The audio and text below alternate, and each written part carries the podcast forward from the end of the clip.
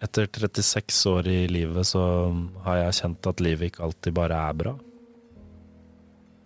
Det er kanskje sånn for de fleste, selv om det ikke virker sånn at livet består av like mye smerte og bekymring som glede.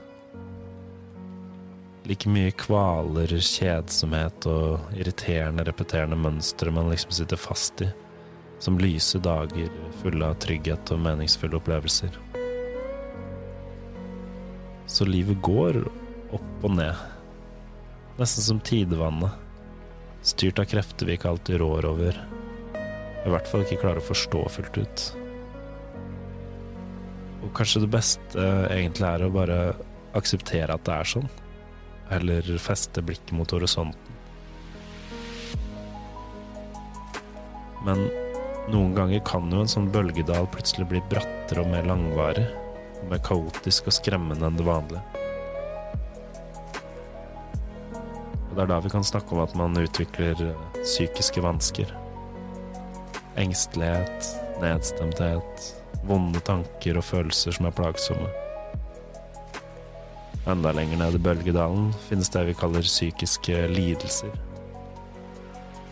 Mentale symptomer som er til virkelig plage, og som som hindrer deg å leve det livet du vil leve. Psykiske plager, psykiske lidelser, utvikles i et komplekst samspill mellom sårbarhetsfaktorer, utløsende faktorer og opprettholdende faktorer. Sårbarhet i den sammenhengen kan både handle om genetikk eller vonde opplevelser, belastninger i oppveksten. Utløsende faktorer kan f.eks. være langvarig stress på jobben, brått oppståtte søvnproblemer eller konflikter i nære relasjoner. Et eksempel på en opprettholdende faktor kan være at man trekker seg unna andre mennesker fordi man skammer seg over hvordan man har det. Og dermed mister man også noe av det viktigste vi mennesker har behov for. Å bli sett og bekrefta av en nær person.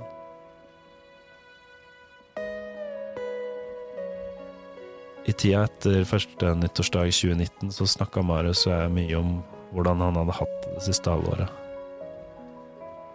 Jeg skjønte at han hadde stått i for mye over for lang tid.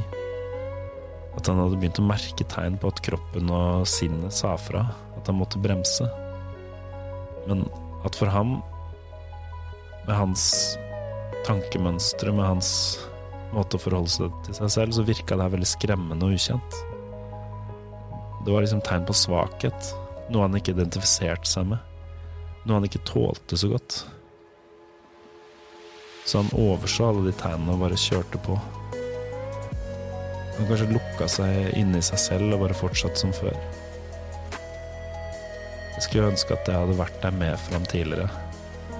Men samtidig så var jeg veldig glad for at jeg kunne være der nå. Og lærte så mye av han om hvordan man kan kjempe i mørket. Om hvordan man kan slippe en venn enda nærmere innpå seg.